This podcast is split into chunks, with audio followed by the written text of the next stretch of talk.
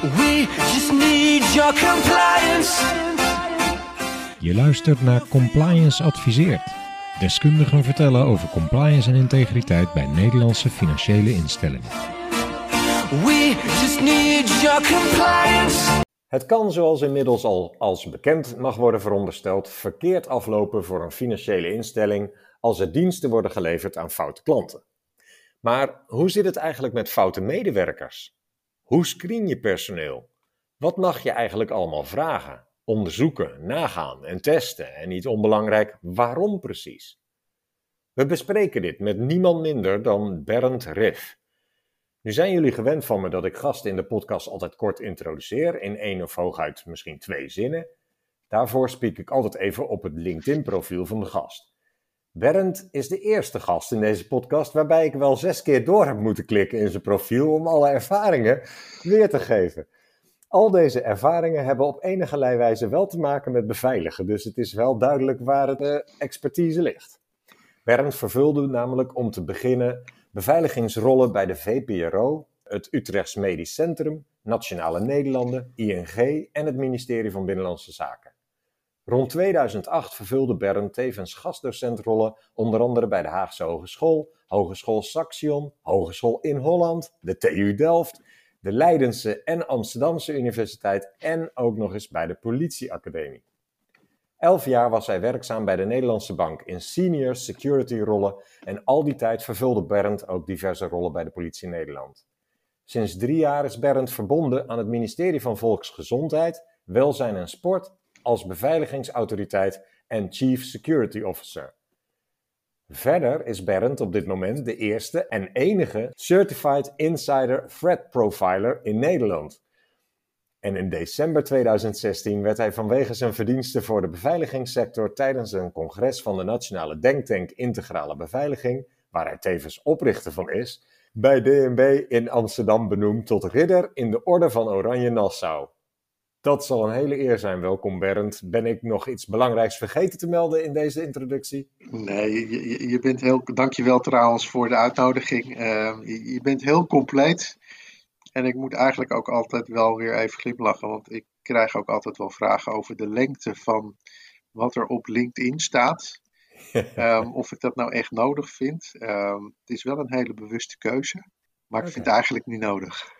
Dank dat je uh, tijd te willen maken voor een bijdrage aan deze podcast. Ik vind het wel ook belangrijk om even goed te introduceren uh, dat de luisteraar begrijpt dat we niet zomaar de eerste de beste over beveiliging iets vragen. En over het screenen van personeel, daar ook uh, ben jij expert in. Maar voordat we beginnen over dat onderwerp, wil ik graag een paar vragen aan jou stellen. Ook om de luisteraar wat meer bekend te maken met jou. Welke kwaliteiten heeft iemand die zo'n autoriteit is op dit vlak eigenlijk nodig? Ik denk dat, dat twee dingen heel erg belangrijk zijn. Uh, enerzijds uh, nieuwsgierigheid. Uh, je, je, moet nieuwsgierig zijn in de omgeving, in mensen. En misschien ook wel een stukje nieuwsgierigheid naar jezelf toe. Ehm, dus dat is een hele belangrijke. Uh, en ik denk dat het heel erg belangrijk is dat je ook um, jezelf in juist in dit proces uh, kwetsbaar durft op te stellen. En je te realiseren dat je ook niet alles weet. Uh, en dat dat dus ook voor de mensen geldt die je aan het onderzoeken bent. Ehm, het leven is niet zwart-wit, maar bestaat echt uit heel veel uh, tinten grijs. Ehm, en zo zul je dan ook naar die omgeving moeten kijken en ook naar jezelf. En je voortdurend afvragen welke rol je nou zelf ook vervult in die hele mooie constellatie eh, binnen dat vakgebied, waar je eigenlijk op zoek bent naar kwetsbaarheden. Mm-hmm. Uh, en dat is een hele belangrijke, denk ik. Als jij zegt uh, jezelf kennen en, uh, de, en de waarheid is meestal grijs, bedoel je daarmee dat je ook een beetje achterdochtig moet zijn als je eigenlijk in eerste instantie denkt dat het allemaal wel goed zit? Ja, achterdochtig heeft voor mij al, al bijna, ik snap, ik snap je vraag, ehm, heeft bijna alweer een, een, een, negatieve connotatie. In de zin van er zal wel iets aan de hand zijn. Mm-hmm. waarbij mij de nieuwsgierigheid ligt niet in de zin van uh, uh, een soort wantrouwen, er zal wel iets in, aan de hand zijn, maar een nieuwsgierigheid van wat is er dan echt aan de hand. Mm-hmm. Oké, okay. en daarbij als je het hebt over zelfkennis, misschien ook wel, dat vul ik nu even in hoor, ehm, goed beseffen welke vooroordelen je misschien hebt. Ja, en, en vanuit het vakgebied waar je werkt, eh, vooroordelen vanuit je professie. Um, ook een beetje de koker van waaruit je naar de samenleving en naar mensen kijkt. Ja. En je af en toe afvraagt van, joh, is dat wel terecht? Volgende vraag. Wat is het meest bedreigende dat je ooit in je carrière hebt meegemaakt? Of juist hebt weten te voorkomen? Nou ja, wat ik, wat ik zie, en dat wordt wel steeds, steeds ehm, prominenter, is eh, de invloed van social media. Ehm, wat, je- wat je vroeger op het schoolplein vertelde, en, en wat bij wijze van spreken eh, vier mensen hoorden, ehm, en eh, alle vier daarna weer vergeten waren als er weer iets anders voorbij kwam, zie je nu dat social media eh, de rol van het schoolplein heeft overgenomen. Waarbij, eh, en dat, dat geldt ook voor mezelf hoor, en je staat er niet altijd bij stil dat er niet meer vier mensen meeluisteren, maar een heleboel mensen. En dat eh, ehm, het daarna ook niet verdwenen is, maar ook blijft staan. Maar los van de context waarin je mogelijk iets gezegd en bedoeld hebt. Ja. Ehm, en dat is een hele belangrijke. En als je dan kijkt naar mijn vakgebied, ehm, eh, dan heeft het zowel betrekking op het, het meenemen van mensen in, in de gevaren van dit nieuwe medium. En vanuit screeningsgebied is het natuurlijk ook een hele interessante, want dan kun je kijken wat roept iemand nou op dit medium. En sluit het aan met het beeld wat hij van zichzelf laat zien. Ja, ik kan me indenken dat, eh, dat dat een van de bronnen is die, waar we later op, eh, op terugkomen. Hoe ga je dat onderzoek doen? Ehm, maar hoe, in welke context moet ik je antwoord zien als ik vraag naar het meest bedreigende wat je hebt meegemaakt? ja, wa- wa- wat ik, wat ik een keer eh, gedaan heb, jaren geleden, ehm, is dat je ziet dat je iets voorbij ziet komen op Twitter. En zonder dat je er goed naar kijkt, denk je, oh, die, die ga ik eens even retweeten. Ehm, en dan zie je eh, eh, iets ontstaan waarbij ineens dingen persoonlijk gemaakt worden. Ja, ja. Eh, en dan, dan voel je ook ineens van, hé, hey, wat gebeurt hier nou? Ehm, want, want schijnbaar schijn ik iets gezegd of gedaan te hebben. Ja, en dan word je op dat moment ook heel erg bewust van hoe zo'n medium werkt. Hm. Ehm, en dat werkt tien keer beter om dat zelf ervaren te hebben aan de lijve. En dan ook, bij wijze van spreken, eh, het zien exploderen van een tweet die je geplaatst hebt. Hm. Dan dat iemand je vertelt, je moet er voorzichtig mee omgaan. Daar kan ik me iets bij voorstellen. Hoewel het in een training misschien ook wel werkt als je eh, het in beeld brengt wat er toen gebeurde. Ja. Ja. Wat zijn belangrijke zaken waaraan je in de afgelopen tien jaar hebt gewerkt? Ja, het zijn er eigenlijk maar twee. Als ik alles op een wat hoger abstractieniveau zet. Ehm, dat is dat ik mij voortdurend bezighoud met, met procesinrichting. Ook op dit vakgebied van screening. Van hoe ziet dat proces er nu heel transparant uit? Want ik vind dat je ehm, verplicht bent om dat te vertellen. Zowel aan je opdrachtgever als mensen die je screent. Mhm. Eh, en misschien nog wel het belangrijkste is dat ik voortdurend bezig ben met de vraag te stellen: maar waarom doen we het nou eigenlijk? Hm. Ehm, wat is nou de reden dat we überhaupt dit instrument inzetten? Ehm, en, Houd, je scherp of je nog wel doet wat je zou moeten doen. ehm, ja, waar, waarbij ik wel merk, en ik ga nu even eh, ook in het kader van de, de, de podcast dingen even wat, wat zwart-wit neerzetten. Mhm. In, in 99% van de gevallen, als ik de vraag stel van, joh, waarom screenen we nou eigenlijk en waarom zetten we dit instrument in? Dan wordt het heel vaak stil. Nou, dan komen we denk ik meteen bij de volgende vraag. Want daar ben ik wel benieuwd naar. Als we screenen van personeel bij financiële instellingen bespreken, wat verstaan we daar dan eigenlijk precies onder? En wat is dan dat doel voor, volgens jou? Ehm, als ik kijk naar hoe het middel en het instrument vaak wordt toegepast, dan zijn we ehm, eigenlijk op zoek naar, en, en dan ga ik, en, en dat is niet mijn mening, maar ik zie wel dat die vaak zo gebruikt wordt. Dan zijn we eigenlijk op zoek naar, ehm, ik zeg maar even eh, eh, wat platter, eh, vuiltjes die aan mensen vastzitten die een mogelijk risico voor de organisatie kunnen opleveren Mhm. om op voorhand te zeggen van nou laten we dat risico maar niet nemen. en, en dan is screening een selectiemechanisme geworden. Uh, en dat staat heel ver af van hoe ik naar dit instrument kijk. Want ik denk dat je dit instrument screening niet als selectiemechanisme moet gaan gebruiken.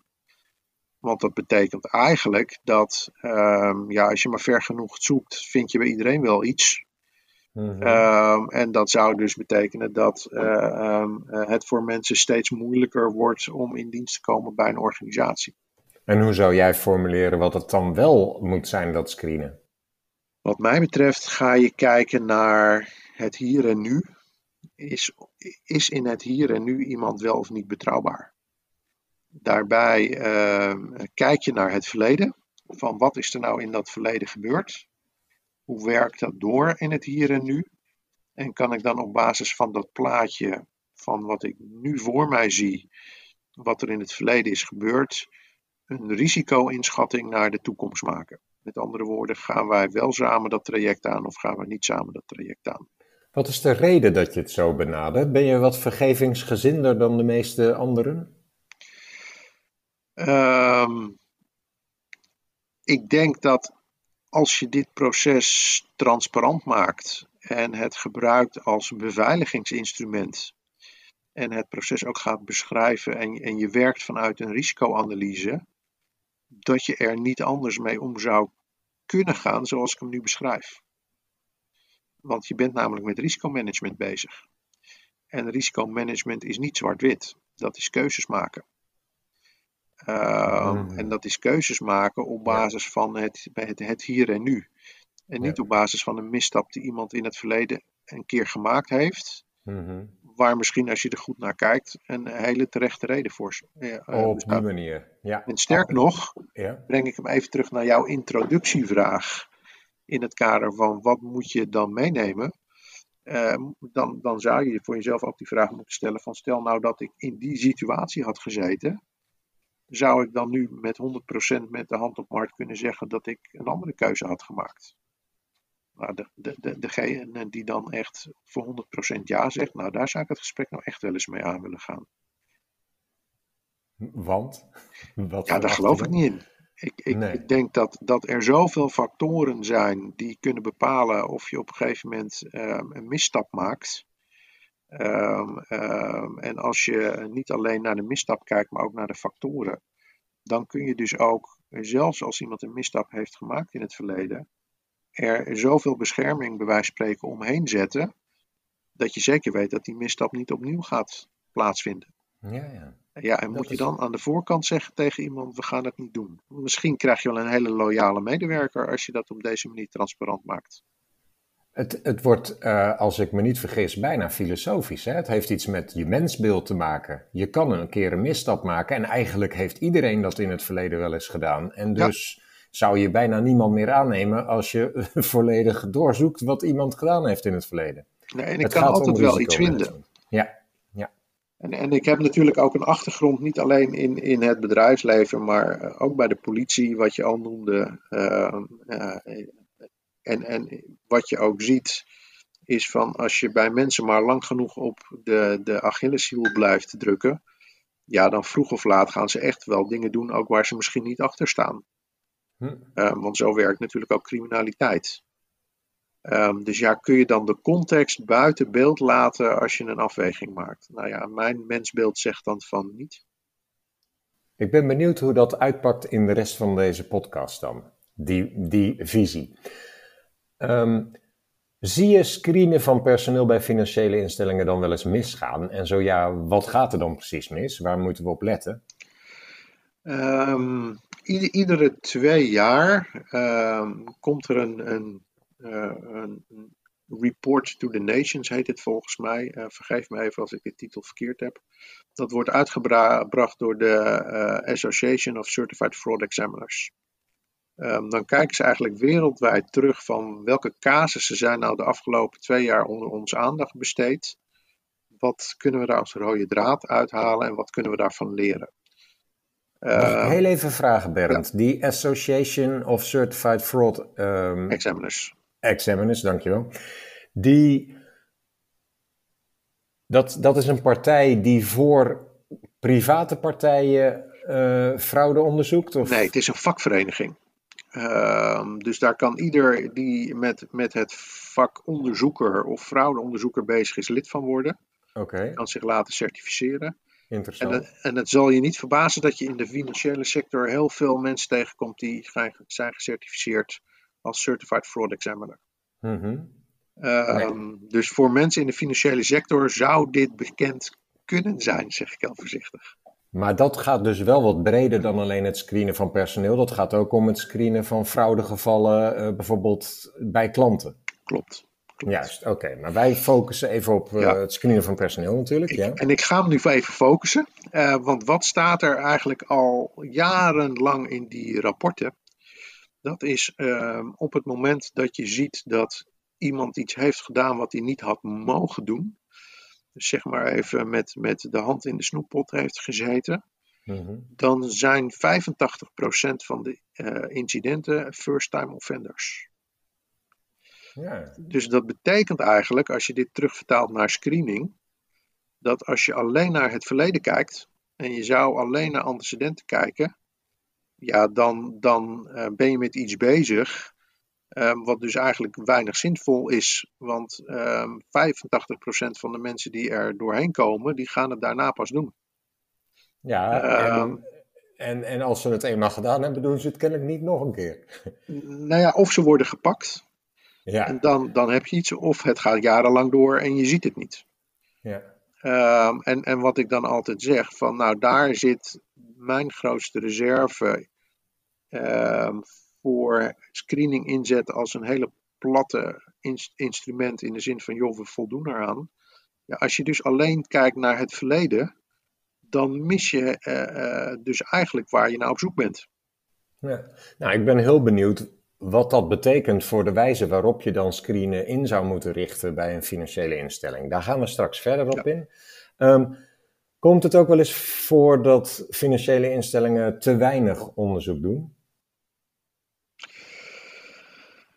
Ik denk, als ik heel eerlijk ben, ehm, en ik kijk naar ehm, hoe screening als instrument wordt ingezet, en, en ik, ik, ik, ik roep hem nu maar vast even, en die zal straks later nog wel even voorbij komen. Voor heel veel instellingen en, en financiële instellingen is dat niet anders. Is voor sommige functie een eh, verklaring omtrent het gedrag, een VOG, ehm, voldoende om op een gegeven moment binnen te komen. Ja, Mhm. dan heb ik er moeite mee om te zeggen dat je aan het screenen bent. Ja, ja oké. De, de waarde van die vocht, daar komen we straks nog even op terug. Daar ben ik wel heel benieuwd naar, inderdaad. En, en inbreuk op privacy, is het een probleem om mensen te screenen?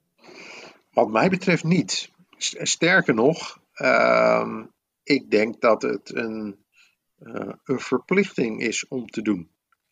Ehm, als je naar het eh, burgerlijk wetboek kijkt, en, en hou me even ten goede, volgens mij is dat boek 7 en dan ergens lid 658. eh voor de liefhebber, ga vooral neuzen. Ja. Daar staat een verplichting in voor de werkgever om voor een veilige werkomgeving te zorgen.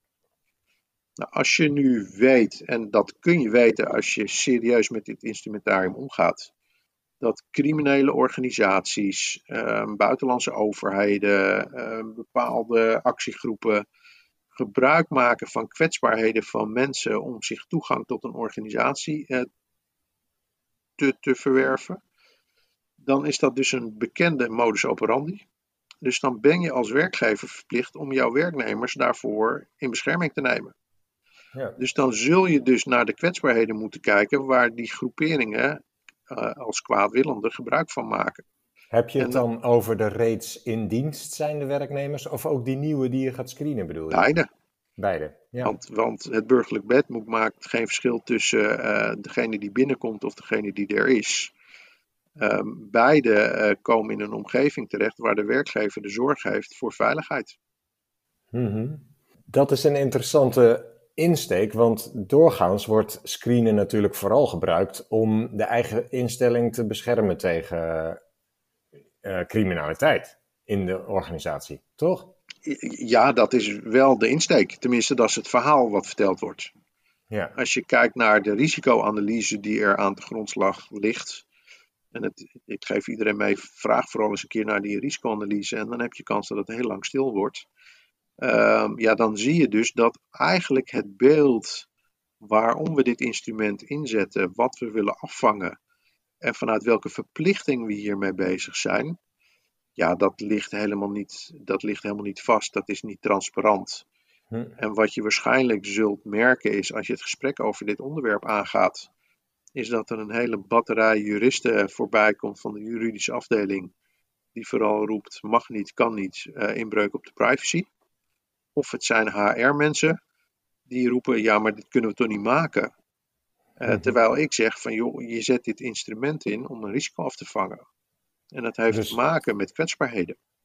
Dus het begint eigenlijk wel met goed nadenken. Waarom doen we het en op, wel, op Ja. basis waarvan? Ja, precies. we- ja. En dan kun je die inbreuk op de privacy dus ook uitleggen. dan, dan is het een gerechtvaardigd belang. Ja, en, en zelfs hè, een belang ook van degene die je screent. In de Ja. zin van als je bij ons komt werken, dan kom je op een bepaalde functie te zitten. Die functie heeft een functieprofiel en een risicoprofiel. Nou, dat, dat is vaak al een hele belangrijke.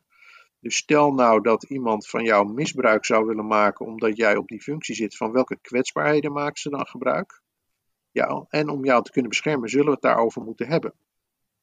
Ja, want je, je brengt iemand in een omgeving, in een context waar de verleiding om iets verkeerd te doen groot is. En daar bescherm je de sollicitant tegen eigenlijk. Juist. En dan maakt het niet meer uit, is er nou een kwaadwillende die die sollicitant onder druk gaat zetten? Of is die sollicitant zelf uiteindelijk eh, ehm, degene die besluit om iets te gaan doen? Mhm. Ehm, het gaat om die kwetsbaarheid. Juist. Ja, dat, ik denk dat dat wel een goede focus aanbrengt in de reden waarom en waar je dus ook naar gaat zoeken. Zijn er in de pers voorbeelden bekend van misstanden die zijn ontstaan door missers op het vlak van screenen bij financiële instellingen? Heb jij voorbeelden? Ehm, ik heb ze niet 1, 2, 3 bij de hand. Ehm, wat je natuurlijk wel ziet is dat, eh, en generiek, en dat zal ook van toepassing zijn op, op financiële instellingen. Alleen wat je, wat je ook ziet is dat er niet een dusdanige transparantie is dat we hierover praten met elkaar. Want fouten maken mag tenslotte niet, dus die gaan we ook niet vertellen. Is dat je ziet dat bepaalde groepen de organisatie inkomen die een, een, laten we maar zeggen, een hele zwakke verbinding met de organisatie hebben, omdat ze bijvoorbeeld ingehuurd worden via een uitzendbureau. Ja, en daar doen zich vaker incidenten mee voor dan mensen die in vaste dienst staan en hun baan niet willen verliezen. Hm. Ehm, en dan zie je dus ook alweer, als je het over kwetsbaarheden heeft, hebt, nou schijnbaar spelen daar dus andere dingen. Dus die kun je niet tegen hetzelfde eh, screeningregime aanhouden. En dat doen we wel. Ja, want waar zou jij dan het grootste risico eh, zoeken? In welke rollen en wat voor type sollicitanten? Ehm, hoe, hoe lager je verbinding met de organisatie is vanuit risicomanagement, Mhm. ehm, hoe eerder je waarschijnlijk geneigd zult zijn om iets te doen wat niet mag. Want binnen het bedrijf waar je dan even bent, heeft het toch geen gevolgen. Mhm. Ehm, en aan de andere kant, eh, op het moment dat jij dus tijdelijk ergens binnenkomt en wat minder tegen het licht gehouden wordt als iemand die een vast contract krijgt, ja, dan eh, als ik dan een stap verder ga en ik kijk naar criminele organisaties, ja, dan is het makkelijker om zo iemand in een organisatie in te brengen dan wel te recruteren dan iemand die wat meer te verliezen heeft. Daar kan ik me iets bij voorstellen, maar er zijn toch ook best wel gevallen bekend waarbij de fraude toch echt aan de top van de organisatie eh, plaatsvond. Ehm, en die doen zich ook voor. Nou, kijk natuurlijk naar die, die, die hele. ehm, eh, volgens mij was dat destijds in Singapore met, met Bearings. Waar eh, degene die in de front office zat ook in de back office zat. Ehm, ja, dat, dat is natuurlijk iets waar het misgaat, waar en processen niet gescheiden zijn. Ja. En je niet naar eh, de persoon kijkt. Van joh, welke kwetsbaarheden zijn er nou waardoor iemand zoiets zou kunnen gaan doen. En als de vlaggen omhoog komen, dan kijk je ook nog eens een keer niet naar de vlaggen. Ehm, maar en ik ben er heilig van overtuigd dat dit zich op verschillende niveaus en dan niet in die omvang, dat zich dat dagelijks voordoet. Maar omdat ons niet verteld is waar we dan precies naar moeten kijken. En we bang zijn dat we een inbreuk op de privacy gaan maken. Uh, ga maar vooral de andere kant op kijken. Als je me dat zo vertelt, dan denk ik dat, um, dat je als je begint aan een proces voor het screenen van personeel, dat je eigenlijk ook niet aan voorbij kan om in je organisatie heel goed te gaan kijken waar zitten nou onze risico's en welke risicomitigerende maatregelen hebben we al genomen. Als je iemand in een positie zet waar hij in zijn eentje een greep in die kast kan doen zonder dat er controles zijn, ja, dan kun je screenen wat je wil, maar dan voorkom je toch die situatie waarschijnlijk nee, En, en als ik dan advocaat van de duivel speel, uh, met alle respect, joh, uh, ben je dan zelfs niet bezig met uitlokking. Uh, ja. Als je het wel heel erg makkelijk maakt. Nou, dat bedoel ik dus ook met dat stukje zelfreflectie. Van, van joh, hoe zitten we er als organisatie nu bij en hoe belangrijk vinden we het? En hebben we echt, hebben we echt dit onderwerp op, op orde? Of zijn we nu een instrument aan het inzetten om een check in de box te zetten, zodat we achteraf kunnen zeggen: uh, joh, uh, we hebben eigenlijk alles gedaan wat we wettelijk moesten, maar ook niet meer. Ehm, en dan ben je niet bezig met voorkomen. Nee, nee, nee, nee. Dat, dan, dan mis je je doel. Ja. ja. Ik kijk, heb, kijk je bijvoorbeeld naar, naar de Rijksoverheid, en ik, ik ga daar niet al te veel over zeggen, maar het stukje wat in de wetgeving staat, dat kan iedereen lezen bij de Rijksoverheid heb je um, wat ze noemen vertrouwensfuncties. Die worden um, formeel aangewezen ook op basis van een risicoprofiel wat aan een functie vastzit. En dan krijg je te maken met veiligheidsonderzoeken van de AIVD. Wat er in de toelichting op de wet veiligheidsonderzoeken staat, is dat screening, in dit geval het aanwijzen van vertrouwensfuncties, het sluitstuk van de beveiliging is. Dus als je alles gedaan hebt op beveiligingsvlak wat je um, redelijkerwijs had kunnen doen, en je houdt dan nog steeds een restrisico over, dan kun je naar het instrument screening gaan kijken. Ja, nou ja, in het bedrijfsleven is het natuurlijk net andersom. Um, we geven vooral niet te veel geld uit aan beveiligen, uh, want het is een kostcenter. Uh, maar we moeten wel kunnen zeggen dat we iets aan screening hebben gedaan. Dus joh, wat moeten we wettelijk doen en wat verwachten ze van ons? Ja, daar kunnen we een check in de box geven. Ja, ja, als het op die manier benaderd wordt, is het niet erg effectief, zeg jij. Nee. nee. Um, in de brief die Wopke Hoekstra aan de Tweede Kamer schreef in juni 2019 lezen we iets over um, het screenen van medewerkers van banken. Uh, en het, dat was geloof ik naar aanleiding van een geval waarbij iemand uit een terroristische organisatie uh, zelfs al bij verschillende banken uh, in dienst was geweest. En die banken screenden nauwelijks meer, omdat ze al wisten, deze persoon is bij een andere bank geweest. En ze vertrouwden erop dat die andere bank al goed gescreend had. Wat, wat is de strekking volgens jou? Wat, wat is de boodschap van Bob Hoekstra met die brief geweest? Ja, dat vind ik heel erg moeilijk. Uh, sowieso omdat ik niet in zijn hoofd kan kijken. Dus ik weet niet wat zijn afwegingen zijn. Uh, daarnaast ben ik natuurlijk ook nog Rijksambtenaar. Dus ik ga niet iets vertellen over wat een minister nou uh, heeft meegenomen. Bedoeld, ja. uh, maar, maar als ik hem, hem, even terugbreng naar het vakgebied, want ik snap jouw vraag natuurlijk wel. Ehm, er even van uitgaande, ehm, en daar begon ik net al mee, dat als iemand iets doet, dan uh, vaak zijn de insiders first-time offenders. Of het zijn mensen, en, maar dan kom je bij, bij het, het meer hoe werkt criminaliteit en, en hoe zitten zulke soort dingen in elkaar. Ja, dan zie je dat mensen um, ook heel vaak wegkomen uh, met gedragingen omdat er niet wordt aangeslagen op alerts die er naar boven komen. Want je maakt mij namelijk niet wijs dat iemand die uh, uh, uh, dingen doet die niet mogen en dan van de ene naar de andere organisatie hopt, dat als je daar serieus naar kijkt, dat er niet iets naar boven komt. Je zou verwachten dat iemand ergens al wel een opmerkelijk iets gezien had. Ja, en deze casus ken ik niet, maar ik, ik weet bijna zeker dat als je er naar gekeken had, dan had je of iets opgevallen, of je had daadwerkelijk uh, in een gesprek ook met een vorige werkgever, uh, uh, had hij wel iets genoemd waarvan je zegt, hé, hey, maar dit vind ik gek. En dan nog is dat geen afwijkingsgrond, maar wel een reden om met iemand het gesprek aan te gaan.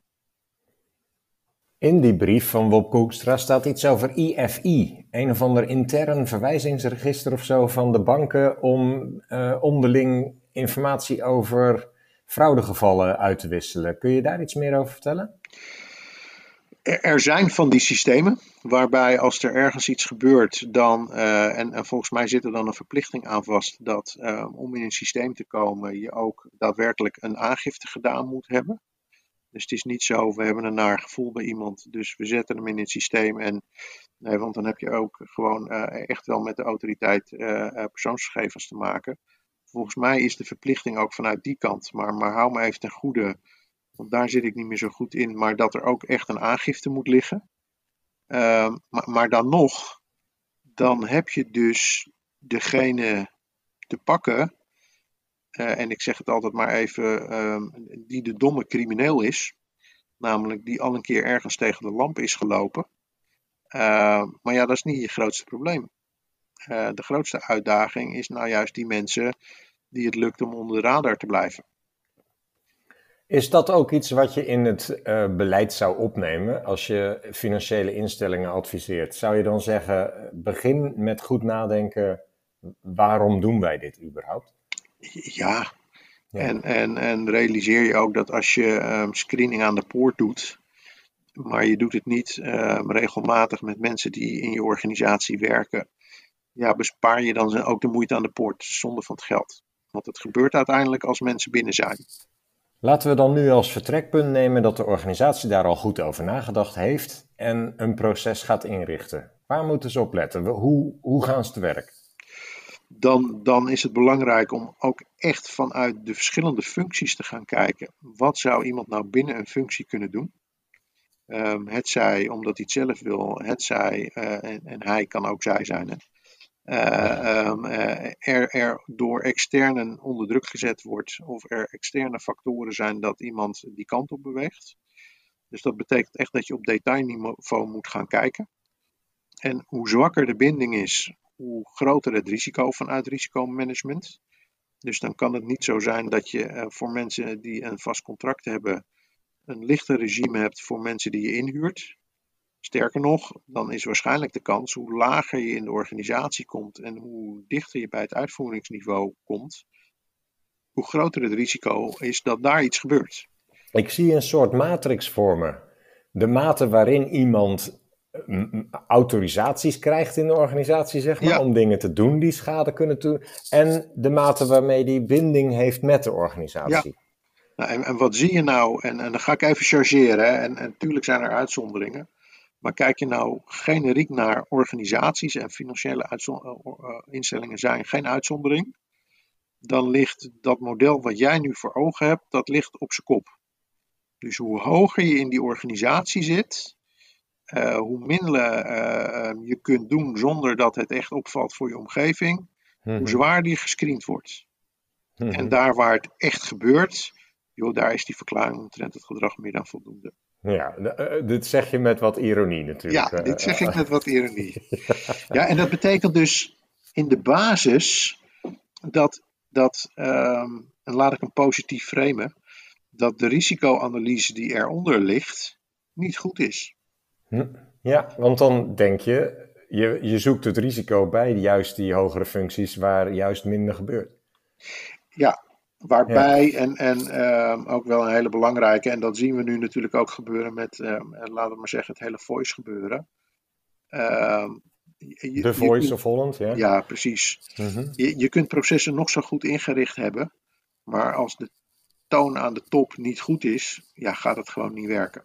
Nee, dat is wel duidelijk naar voren gekomen dus, daaruit. Dus, dus ja. ook daar zie je wel dat Um, los van welk beveiligingsinstrument je inzet, en screening is natuurlijk een beveiligingsinstrument, cultuur is wel een hele belangrijke. Dus het ja. moet ook echt wel in de cultuur passen dat je met elkaar uh, uh, die weg wil afleggen en met elkaar, en dat is een hele belangrijke, het gesprek wil aangaan. En je ook verantwoordelijk voelt voor elkaar. Je hebt dus beleid en je hebt uh, in kaart gebracht wat waar je de risico's het meest ziet. Wat ga je vervolgens doen om zo'n uh, welke stappen doorloop je in het proces van het screenen van zo'n personeelslid? En laten we beginnen even bij het hoogste risico wat je hebt gevonden in je functies. Ik denk sowieso dat het belangrijk is om het verleden in beeld te brengen. Dus dat betekent eh, ehm, voor zover mogelijk een antecedentenonderzoek. Nou, soms eh, ehm, eh, eh, zijn er instellingen die daar zelf iets in kunnen doen. Voor andere instellingen is het toch echt het VOG, het maximale wat je kunt krijgen als je kijkt naar strafrecht. Is iemand al een keer veroordeeld? Mhm. En vragenlijsten zijn goed om in te laten vullen. Te kijken naar voorgaande werkgevers. Waar heeft iemand gewerkt? Wat heeft hij gedaan? Met andere woorden, wat is zijn geschiedenis? Ja, dat vult die sollicitant dan in. Ja? Nou, en dan is het belangrijk om dat te matchen met de profiel van de functie waar iemand op solliciteert. Het beeld wat ik nu ga krijgen, past dat nou eigenlijk bij het beeld wat ik verwacht bij iemand op die functie? Hm. En op het moment dat je daar een discrepantie ziet, heb je wat mij betreft een vlaggetje. Hm. Van hé, hey, de- ik had niet verwacht dat, dat iemand met dat profiel op deze functie komt zitten, want daar zit een mismatch tussen. Hm. Het kan ook zijn dat er eh, door de vragen die iemand beantwoordt, of ehm, de gaten die bijvoorbeeld in iemands cv zitten, dat je of misschien wel de gaten die er niet in zitten, dat je zegt van hé, hey, ook, ook hier, dat is een gekke. Nou, wat dan vervolgens belangrijk is, is ehm, om alles wat je naar boven haalt, ehm, ook op een hele transparante manier te beschrijven en ook het gesprek met een kandidaat aan te gaan. Zeker op het moment dat er vlaggetjes naar boven komen. Ehm, waarbij je ook echt het gesprek aan kunt gaan en kunt uitleggen waarom je de vraag stelt. Ehm, want ik, ik geloof niet in het feit dat je eh, aan een kandidaat vooral niet moet vertellen wat jouw afwegingen zijn en wat jouw eh, vrees is. Ehm, maar maak dat maar transparant. Van goh, ik, ik heb nu een aantal vragen. Jij gaat op een positie komen ehm, waar je straks een aantal dingen kunt doen. Ehm, we weten gewoon dat van sommige kwetsbaarheden misbruik gemaakt wordt. Die heb ik hier nu gezien. Vertel eens, ga dat gesprek aan. Ja. Ehm, Deel je zorg in feite. ja, want dat is hem feitelijk. De, mijn ervaring als mensen niks willen zeggen, is dat ze ook echt wel ervaren van, joh, eh, alles wat ik nu zeg is fout. Eh, want eigenlijk wordt er niet meer naar mij geluisterd en naar de context, want we zijn niet in gesprek. Maar er wordt puur gekeken van, joh, eh, klopt het inderdaad dat er iets gebeurd is wat achteraf gezien niet had moeten gebeuren? Ja, dan lig ik buiten boot. Ehm, en dan, ga, dan ben je dus niet in gesprek met elkaar, maar dan ben je aan het selecteren. Maar het is me wel duidelijk geworden dat jij vooral naar het gesprek, op, dat je, dat je op, met name op hoe reageert een sollicitant op het verhaal, is voor jou van groot belang, als ik het goed begrijp. Ja, waarbij ik die sollicitant ook, en, en dit kan dus ook de medewerker zijn met een herhaalscreening, ook Ja. vertel van joh, ik, ik ben nu bezig met een screening, ik moet een afweging maken. Dus dat, en die afweging die maken we op het stukje betrouwbaarheid. En, en eh, kan ik nu die afweging maken en kan ik zeggen, joh, iemand is wel of niet betrouwbaar op basis van wat jij mij aanlevert. En als jij mij de informatie niet geeft die ik nodig heb, dan kan ik mijn afweging niet maken. En dat kun je natuurlijk heel transparant stellen. Tot nu toe hebben we het gehad over de VOG en een zelf ingevulde vragenlijst door Ja. de sollicitant en het gesprek, Het wat daarop volgt. Ja, In hoeverre heb je dan al een compleet beeld van die sollicitant? Gebruik je nog andere bronnen misschien? ja, wat je kunt doen is, je kunt aan een sollicitant referenten eh, opvragen. Dus van, Ja. joh, zijn er mensen, vorige werkgevers, eh, dan wel vrienden? Mooi als je die twee werelden bij elkaar kunt brengen met wie je kan praten. Ehm, dan kun je ook een referent eh, zeggen van, joh, eh, ehm, eh, introduceer mij daar en dan ga ik dat gesprek aan. Nou, een referent die zegt dat wil ik niet, ja, dan, is een, dan wordt hij wel interessant. Want waarom wil je niet dat ik met mensen ga praten? Ehm, wat ook een hele interessante is, afhankelijk van risicopositie, is dat je aan een sollicitant vraagt: Vind je het ook goed dat ik, als ik met mensen gesproken heb waar jij me geïntroduce- geïntroduceerd hebt, dat ik zelf ook één of twee referenten eh, mij nog laat doorverwijzen? Ehm, en dan is het antwoord ja of nee een hele interessante. Mhm. En, en, en, eh, en natuurlijk werkt het ook weer niet zwart-wit, maar als iemand ja zegt, dan heb ik alweer het gevoel, nou, iemand is dus niet bang dat ik iets tegen ga komen. Hm. Eh, maar ik mag niet meteen de conclusie trekken dat als iemand nee zegt, dat, hij er, dat, dat er wel iets ligt. Dus daar moet ik wel alert op zijn. Maar dat kan mij allerlei informatie geven. Hoe, hoe zwaar zou je een eh, slechte beoordeling van een referent mee laten wegen in je beoordeling van de sollicitant? Ehm, in beginsel ehm, vind ik dat niet zo belangrijk, tenzij er een mismatch is ehm, en de sollicitant de mij heeft meegegeven van joh, eh, dit zijn mensen die mij positief beoordelen. Sterker nog, ik zou het een hele sterke vinden, ook weer in zaken van kwetsbaarheid, als een sollicitant zegt joh, dit is mijn leidinggevende. Ehm, wij hebben wat akkefietjes gehad, dus het zou me wel verbazen als die een positief oordeel geeft. Als de sollicitant daar direct al open over is, Ja, dan heeft hij wel weer punten gescoord in feite. Ja, want het gaat natuurlijk over transparantie en betrouwbaarheid. Ja, ja. En, en om- misschien een leuke casus. En, en, en is jaren geleden ooit een keer ergens gebeurd. En ik denk dat dat ehm, hem wel heel erg mooi maakt. Is dat ehm, ik, ik in een traject zat. ehm, en er kwam een casus voorbij eh, van een instelling.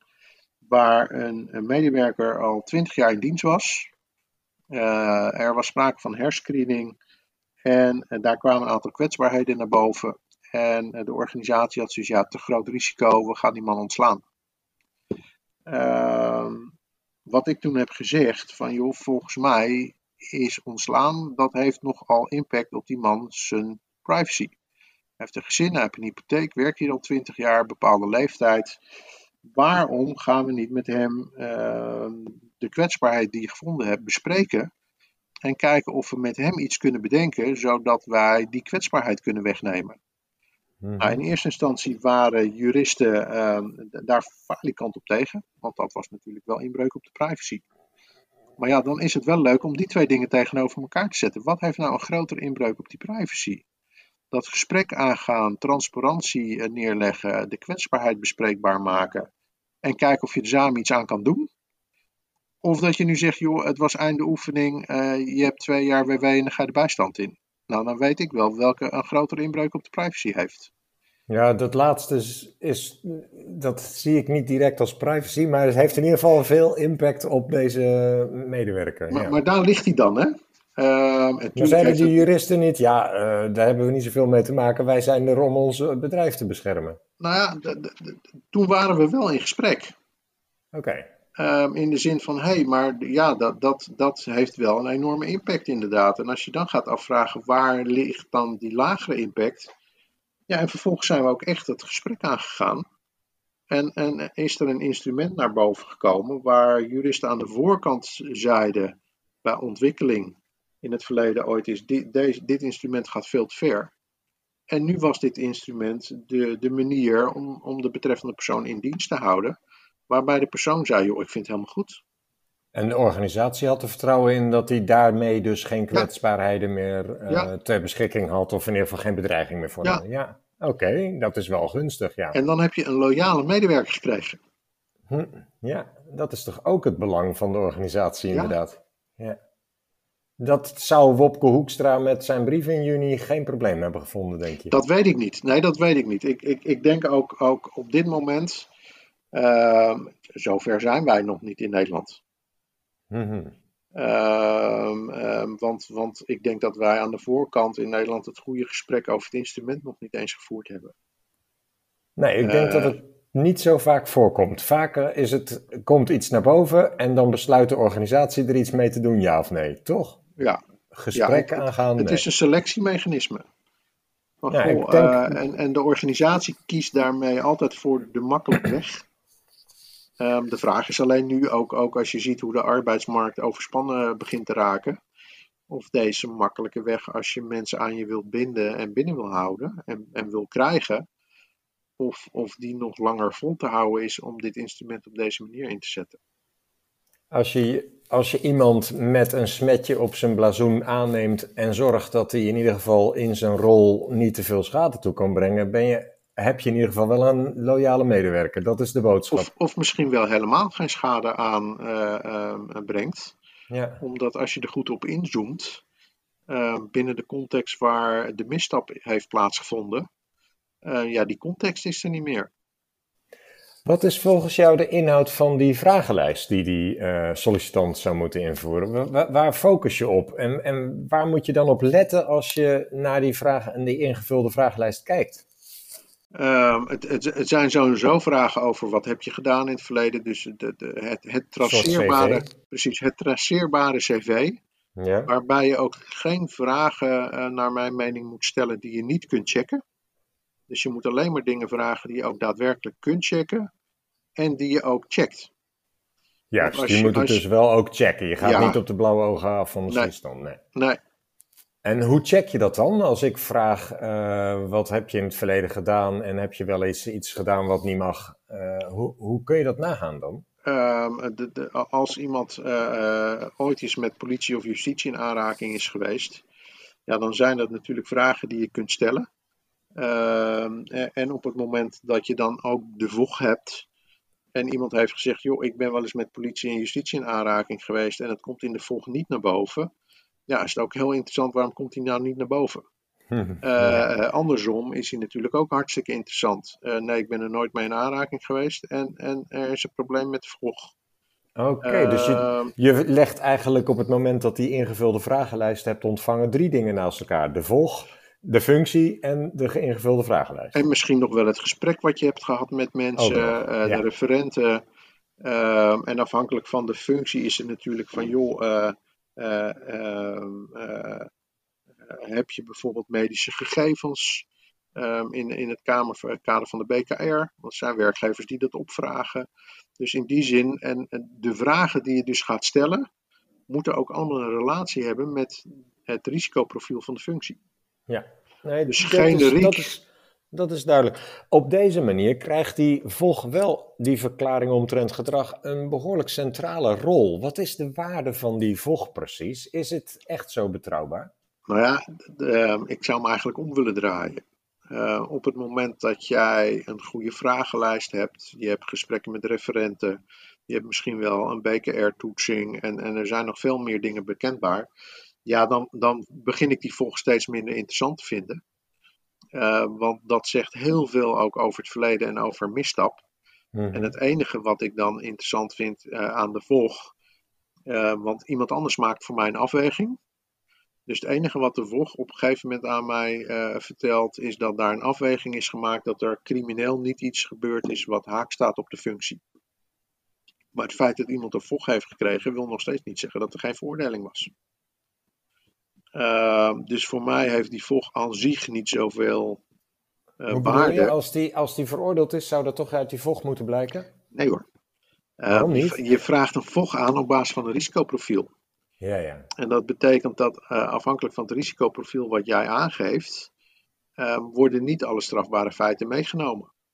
Ja, maar die zijn dan ook dus niet zo relevant voor de functie als je, de, als je het goed opgeeft dan, hè? Bij, Nee, maar hij, in het kader van betrouwbaarheid is dit wel een gemiste kans. Ja, ja. Eh, want eh, als je nou vraagt van, joh, bent u wel eens met politie en justitie in aanraking geweest? En iemand zegt nee, wetende van, joh, je kunt die vroeg aanvragen, maar het komt toch niet naar boven. Eh, ja, dit, dat geeft mij heel veel informatie over betrouwbaarheid. Want schijnbaar vertelt hij niet alles. Ja, maar je Dat is krijgt een het dus ook niet naar boven met die volg, Nee, begrijp ik. Nee, vandaar dat ik die VOG ook niet zo heel interessant vind. Nee. Anders dan dat die op een gegeven moment geweigerd kan worden. Welke andere middelen gebruiken financiële instellingen om die informatie die de sollicitant geeft te verifiëren? Wat ik zie gebeuren is dat instellingen zich af en toe nog wel de moeite getroosten om het gesprek met iemand aan te gaan. Mhm. Ehm, eh, dat ze af en toe nog wel eens een referent opbellen. Mhm. Maar dan heb je het eigenlijk wel gehad. Oh, en eh, je, je noemde net ook nog terloops de BKR-toets. Er, er, zijn, er zijn de financiële instellingen die ik dat zie doen, maar voor hele expliciete functies. Hm. En dan vaak ook weer voor de wat hogere functies. Heeft het eh, toegevoegde waarde om een extern bureau nog een onderzoek te laten doen? Ehm, ja, dat ligt eraan. Kijk, als je de, de, de basis niet op orde hebt, in de zin van een eh, helder van waar ben ik nou naar op zoek, wat zijn de kwetsbaarheden die ik wil weten? Kennis van je tegenstander. Uh, hoe maakt hij gebruik van die kwetsbaarheden? Ja, als je dat zelf niet um, uitgewerkt hebt, ja, dan kan een extern bureau het ook niet voor je oppakken. Nee, nee, nee. Oké. Okay. Um, Persoonlijke mening, hè? en een onderlegde mening, mag ik wel zeggen, met zo'n ja. cv, hè? toch? Ja. Um, hoe belangrijk is het dat je vooraf als organisatie de sollicitant op de hoogte brengt van je achtergrond, uh, van je screenings uh, inzet? Ik denk uh, een, een, een, absolute voorwaarde. Um, in dit proces hoort transparantie thuis. Um, je kunt alleen maar verwachten van een medewerker of van een sollicitant dat hij open is op het moment dat je dat als organisatie ook bent. Dus wat mij betreft hoort hierbij dat je aan de voorkant uitlegt wat je doet, hoe je het doet en waarom je het doet. Dat ook een, een medewerker en een sollicitant op geen enkel moment verrast wordt. Ja, dat is wel belangrijk om dat goed af te bakenen. Want ja. als je aan het screeningsproces begint, baken je dus vooral af vanwege de rol die de sollicitant krijgt. Wat mij betreft okay. wel. De scope, ja. Um, kan ik als ik een fijn screeningsproces voor uh, de instroom heb ingeregeld, kan ik die zo kopiëren naar uh, de periodieke screening? Of moet ik nog iets aanpassen voor periodieke screening? Kijk, als het goed is, uh, is de screening aan de voorkant gebaseerd op de functie die iemand gaat innemen in de organisatie. Mm-hmm. Dus als hij eenmaal in de organisatie zit, zou er aan de kwetsbaarhedenkant niks meer moeten veranderen. Uh, want als het goed is, matcht dat. Uh, dus in die zin uh, hoef je daar niet heel veel aanpassingen in, in aan te brengen. Nee. Maar wat je wel hebt, is dat je een beeld van de medewerker gaat krijgen op het moment dat hij in dienst is. Nou, dat is ook iets waar je ehm, in je screening iets mee zou kunnen gaan doen. In de zin van dat er um, als een medewerker gedragsverandering laat zien, dat een vlag kan opleveren in het kader van het beschermen van de medewerker. Um, en dat, dat hoeft niet meteen in de negatieve zin te zijn, maar als je een medewerker hebt die uh, heel conscientieuze werk doet, altijd rustig is, uh, altijd vriendelijk is, en op een gegeven moment ga je zien van joh, iemand heeft een kort lontje, er verandert wat in, in de manier hoe hij zijn werk doet en hij komt te laat uh, binnen en dan gaat vroeg weg. Ja, dan heb je natuurlijk een hele interessante om het gesprek aan te gaan van wat is er nu aan de hand? En, en uh, zit je gewoon niet lekker in je vel? Of is er meer aan de hand? Want op het moment dat er door kwaadwillende gebruik gemaakt wordt van kwetsbaarheden van mensen, en mensen worden onder druk gezet, gaat hun gedrag veranderen. Ja, ja. Um, en dat zijn dan wat mij betreft ook wel dingen die je in een screening gaat meenemen. Sterker nog, waar je eigenlijk de organisatie en de medewerker voortdurend met elkaar over in gesprek zou moeten zijn. Het is, lijkt mij dus ook van belang om goed te definiëren welke incidenten of welke veranderingen in het traject aanleiding zouden moeten zijn voor een nieuwe screening. Ja, en daar, als ik je zo daar, hoor, is een periodieke misschien nog niet eens echt nodig, of wel? Uh, als het goed is, ben je eigenlijk voortdurend met elkaar bezig. Ja. Um, en, en dan ook op een hele transparante manier, dat je, dat je bij wijze van spreken ook met elkaar bespreekt van we letten op elkaar, in de positieve zin. En, en, en we maken dingen bespreekbaar en we voeren het goede gesprek. Ja. En dat betekent dat we het er niet op aan laten komen dat er een keer iets misgaat. Maar als we zien dat er iets gebeurd is, ja, dan gaan we erop acteren. Ja, dat is veel preventiever benaderd eigenlijk dan dat je zegt we vertrouwen op periodieke screeningen verder ga je je gang maar. En, ja. en de vraag is of je, uh, als je kijkt naar de veilige werkomgeving en als je weet dat uh, kwaadwillenden van bepaalde kwetsbaarheden gebruik maken, de vraag is of je aan je wettelijke verplichting hebt voldaan als je het één keer in de vijf jaar doet. Ja. Een verandering van functie zou natuurlijk wel ja. een, een, aanleiding kunnen zijn voor een incidentele. Precies, risico. en helemaal als dat een ander risicoprofiel oplevert. Precies. Ja. ja. Oké. Okay. Um, wie binnen de instelling is volgens jou eindverantwoordelijk voor zorgvuldig en goed werkend proces uh, van screening? Ehm, wat mij betreft, degene die ehm, bij de rechter mag komen uitleggen waarom het verkeerd gegaan is eh, ehm, vanuit de werkgeverskant Ja. op het moment dat je het niet gedaan hebt.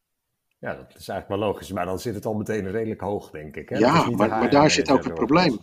In, Ja. de, in de zin van als daar de noodzaak van dit instrument niet goed wordt geborgd en men eigenlijk niet inziet wat de waarde van dit instrument is, eh, maar dat het bijna een, een compliance ding is dat je ergens een tik in de box moet geven omdat je ook iets aan screening doet, ja, dan, dan heb ik bijna medelijden met de mensen die het proces moeten uitvoeren. Mhm. Want je weet per definitie dat er dingen gebeuren. En als er dan dingen gebeuren, dan krijg jij de schuld omdat je het niet goed gedaan hebt, want je hebt het er niet uitgefilterd. Ja, ja. ja, zo gaat het in de praktijk denk ik best geregeld. We hebben het nu natuurlijk over de verantwoordelijkheid, de eindverantwoordelijkheid, dat is logisch. Ja. En bij wie zou je de uitvoering laten leggen door de hoogste in rang? Wat mij betreft ligt dat bij een afdeling corporate security. Ehm, vanwege het feit dat ehm, je een beveiligingsinstrument inzet om de organisatie en de medewerker ook weerbaar te maken, eh, omdat misbruik gemaakt kan worden van kwetsbaarheden. Als je dan niet ehm, weet wat die kwetsbaarheden zijn en hoe die dreiging eruit ziet, ja, dan kun je eigenlijk ook dit instrument niet goed inzetten. En zijn dat volgens jou ook de meest geschikte mensen om dat gesprek met die medewerker zelf aan te gaan? als ze goed zijn opgeleid en, en vanuit dat kader werken en snappen waar ze mee bezig zijn, ja. En anders? Ehm, Toch maar ook iemand van HR erbij of nee, bij dat gesprek? nee het, het, het- wat mij betreft is het echt een vak.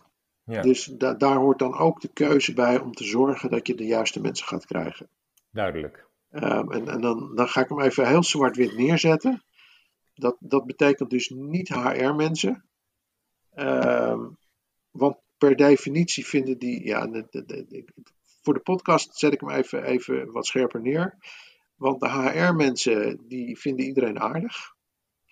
Ehm, terwijl je ook achter de mensen moet willen kijken. De, de- juristen zitten met name in de regeltjes. Ehm, ja, onze tegenstanders houden zich niet aan regeltjes.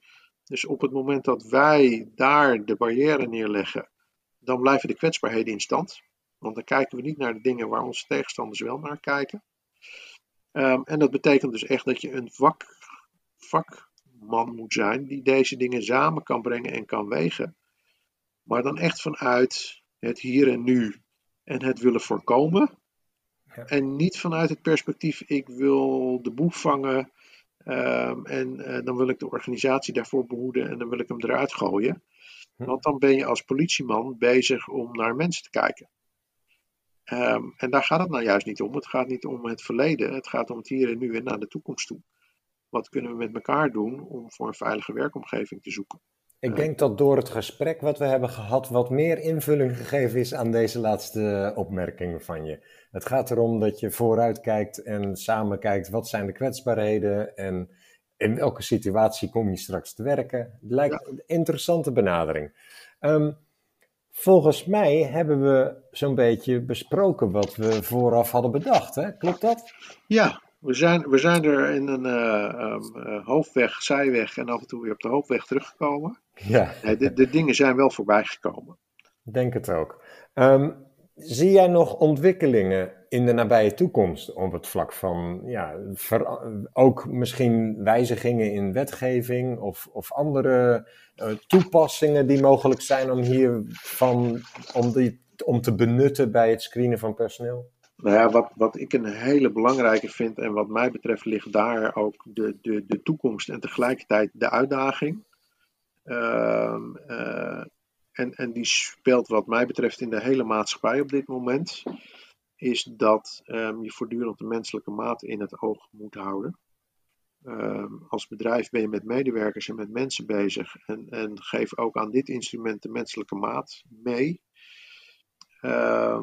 En ga hem vooral niet inzetten als instrument waarbij je mensen van het randje laat vallen. Eh, en wat je nu inmiddels ook in het publieke debat begint te zien, en dat vind ik wel zorgelijk, is dat ehm, ja, eigenlijk verdienen mensen ook geen tweede kans meer. Nou, en als je dan dit instrument gaat inzetten om te kijken wie het verkeerd heeft gedaan in het verleden, om dan vooral niet de instelling te zijn om aan iemand die tweede kans te geven, ja, dan, dan, dan, gaat die, dan gaat die heel lastig worden, want dan gaan mensen dat wat er gebeurd is ook steeds beter verbergen. En dan weet je straks echt niet meer wat je binnenhaalt. Daarmee snij je bijna een maatschappelijk probleem ook aan, hè? Ja. Ja, ja. Ehm, dank je wel daarvoor. Geen Tot slot, aanhakend op de titel van deze podcast, wil ik natuurlijk jou de gelegenheid ook geven om nog een advies aan onze luisteraars uit te brengen. En dat hoeft niet per se direct gerelateerd aan dit onderwerp te zijn. Nou, dat heeft wel te maken met die menselijke maat. Eh, en, en dat betekent ga met elkaar dat gesprek aan. Ehm, en, en bij mij zit het dan altijd wel vakgerelateerd. Van wat maakt nou dat iemand iets doet? Eh, sterker nog, verplaats je in die, in die persoon. Wat, wat had ik gedaan als ik daar gestaan had? En wat waren de opties geweest? Ehm, en ga dan met elkaar ook voortdurend dat gesprek aan van hoe komen we samen verder? Ehm, dus, dus probeer ook naar elkaar toe te groeien in plaats van er een, een kloof tussen te zetten. Dank je wel, Bernd. Geen dank, was, maar, was een plezier om hier aan mee te werken. Bedankt dat je ons je, met je ervaring hebt weten te verrijken. En eh, heel veel sterkte ook nog voor de komende werkzaamheden die je nog te doen hebt. Ja, Dankjewel. Compliance. We just need your compliance. Je luistert naar Compliance Adviseert.